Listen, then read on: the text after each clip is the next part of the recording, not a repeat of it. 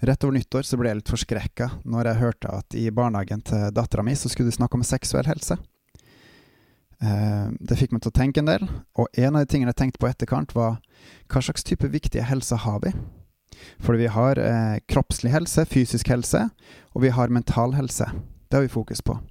Men jeg tror det faktisk finnes en helse til som er vel så viktig, og det er den relasjonelle helsa.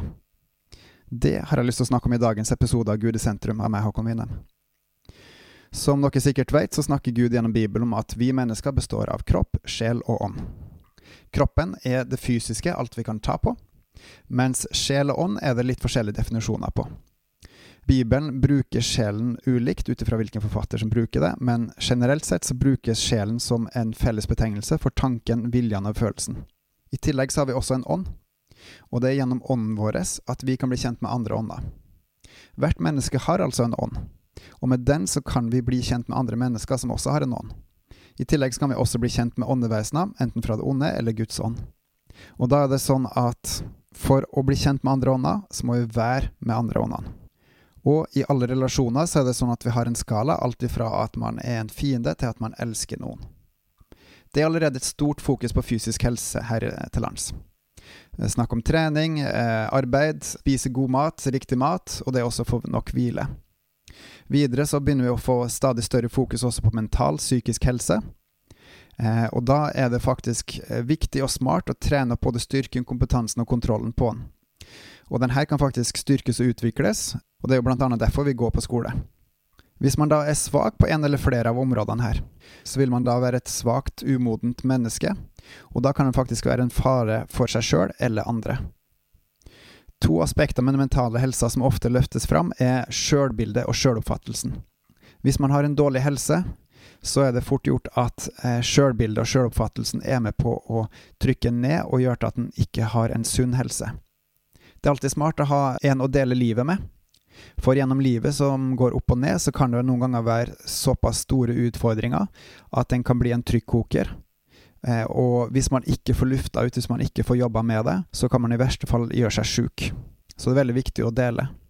Og for noen så er det også smart å gå til profesjonell hjelp hos en psykolog eller en samlivsterapeut eller noe sånt, for å få hjelp til å få en sunnere mental helse igjen. Men jeg tenker at den relasjonelle helsa, den er det lite fokus på. Hva er en relasjonell helse? Den relasjonelle helsa går rett og slett på hvor godt har vi det med folka rundt oss. Hvor flink, hvor god er vi på å ta oss av hverandre, og være med hverandre? Et relevant spørsmål oppi her er jo hva er min åndelige, relasjonelle helse? Hvor god er jeg på å bygge, styrke og ta vare på relasjoner?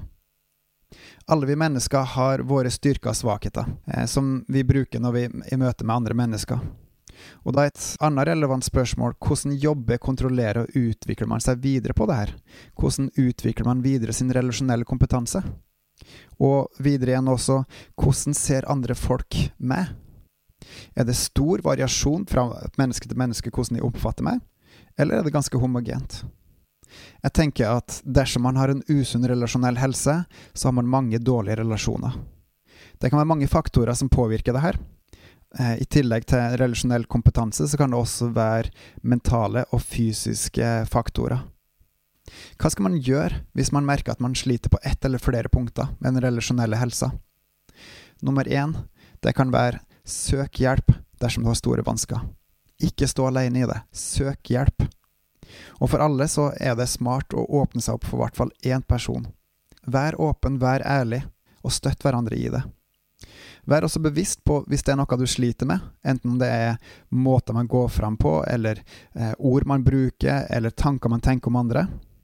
Eller kanskje er det bare også den tanken man har sjøl, trua man sjøl har på sin relasjonelle kompetanse, eller hvordan man ser på livet. Det som kan være viktig da, er å tenke positivt og løfte fram det positive, og bygge videre på det, og også samtidig fokusere på hva kan man gjøre for å bli flinkere på de områdene man sliter mer med. Det er av og til veldig vanskelig å komme seg videre, og det er derfor det kan være smart å snakke med andre. Men en i hvert fall trenger å gjøre, det er å gjøre en innsats. Uten en innsats så kommer man seg ikke videre. Noen ganger så er det vel også sånn at man har gjort ondt mot andre, eller at man har gjort ondt mot hverandre. Og da er det faktisk viktig å rydde opp etter seg. Finne ut hva du har gjort galt, og be om unnskyldning overfor den du har gjort galt mot. Er det mot Gud, så gjør det mot Gud. Er det mot medmennesker, så skal du rydde opp overfor medmenneskene. Ansikt til ansikt, helst. Og et aspekt som står i Bibelen også, er at man skal faktisk også eventuelt lide litt urett om nødvendig. Og ja, det er forskjell på hvor store saker er. Og alle store saker, det skal man ikke bare skyve under teppet, men det må ryddes opp i skikkelig. Nå snakker jeg mer om de små sakene. Gud er også faktisk veldig opptatt av vår relasjonelle helse. Og han har gitt oss et mektig, mektig verktøy som faktisk er det viktigste relasjonsverktøyet vi har.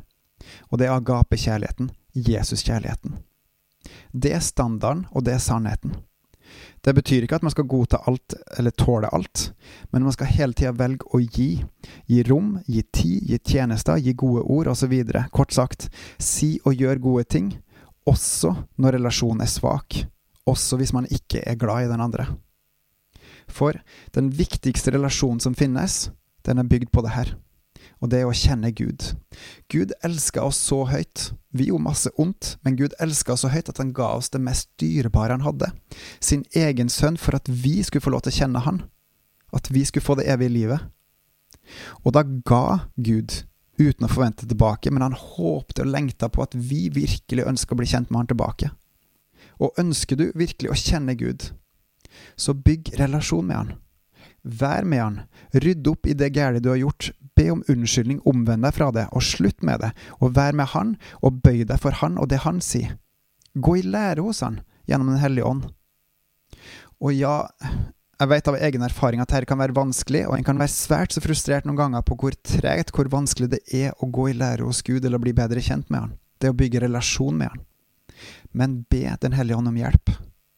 Da vil han snu sorg og fortvilelse i relasjon med han til glede og vekst ved at du legger en innsats og er med han.